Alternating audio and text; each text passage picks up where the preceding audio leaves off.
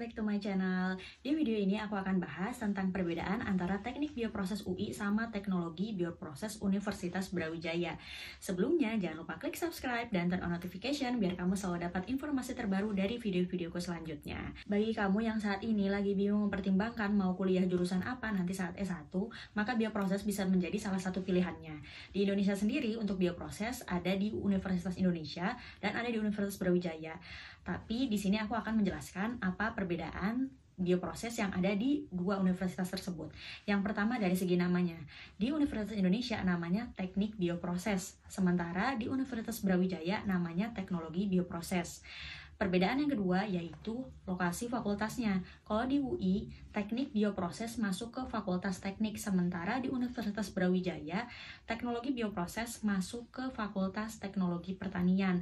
Jadi bagi teman-teman yang sekarang SMA dan pengen masuk atau harus masuk ke fakultas teknik, maka jangan memilih teknologi bioproses UB. Kenapa? Karena teknologi bioproses UB masuknya fakultas teknologi pertanian, bukan masuk fakultas teknik. Terus yang ketiga, perbedaannya adalah dari segi mata kuliah. Jadi sesuai dengan namanya ya, meskipun secara dasar prinsipnya kurang lebih sama, namun karena mata karena namanya berbeda, maka mata kuliah yang ada di dalamnya berbeda. Ada mata kuliah yang hanya ada di uh, bioteknologi di bioproses UB, tapi tidak ada di UI dan begitu pun sebaliknya. Contohnya gini, mata kuliah robotika cuma ada di bioproses UB, tapi tidak ada di bioproses UI. Sementara mata kuliah seni dan olahraga itu cuma ada di bioproses UI, tapi di bioproses UB tidak ada.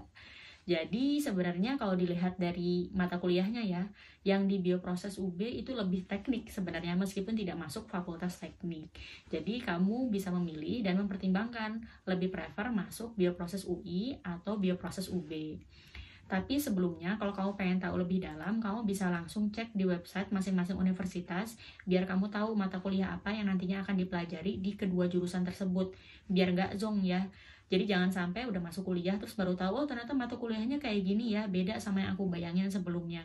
Kalau udah kayak gitu, ya berarti kamu yang menanggung sendiri nanti menjalani kuliahnya seperti apa. Segitu aja, kalau kamu punya pertanyaan lain bisa tanya di kolom komentar di bawah ini dan aku akan jawab di video selanjutnya. Terima kasih.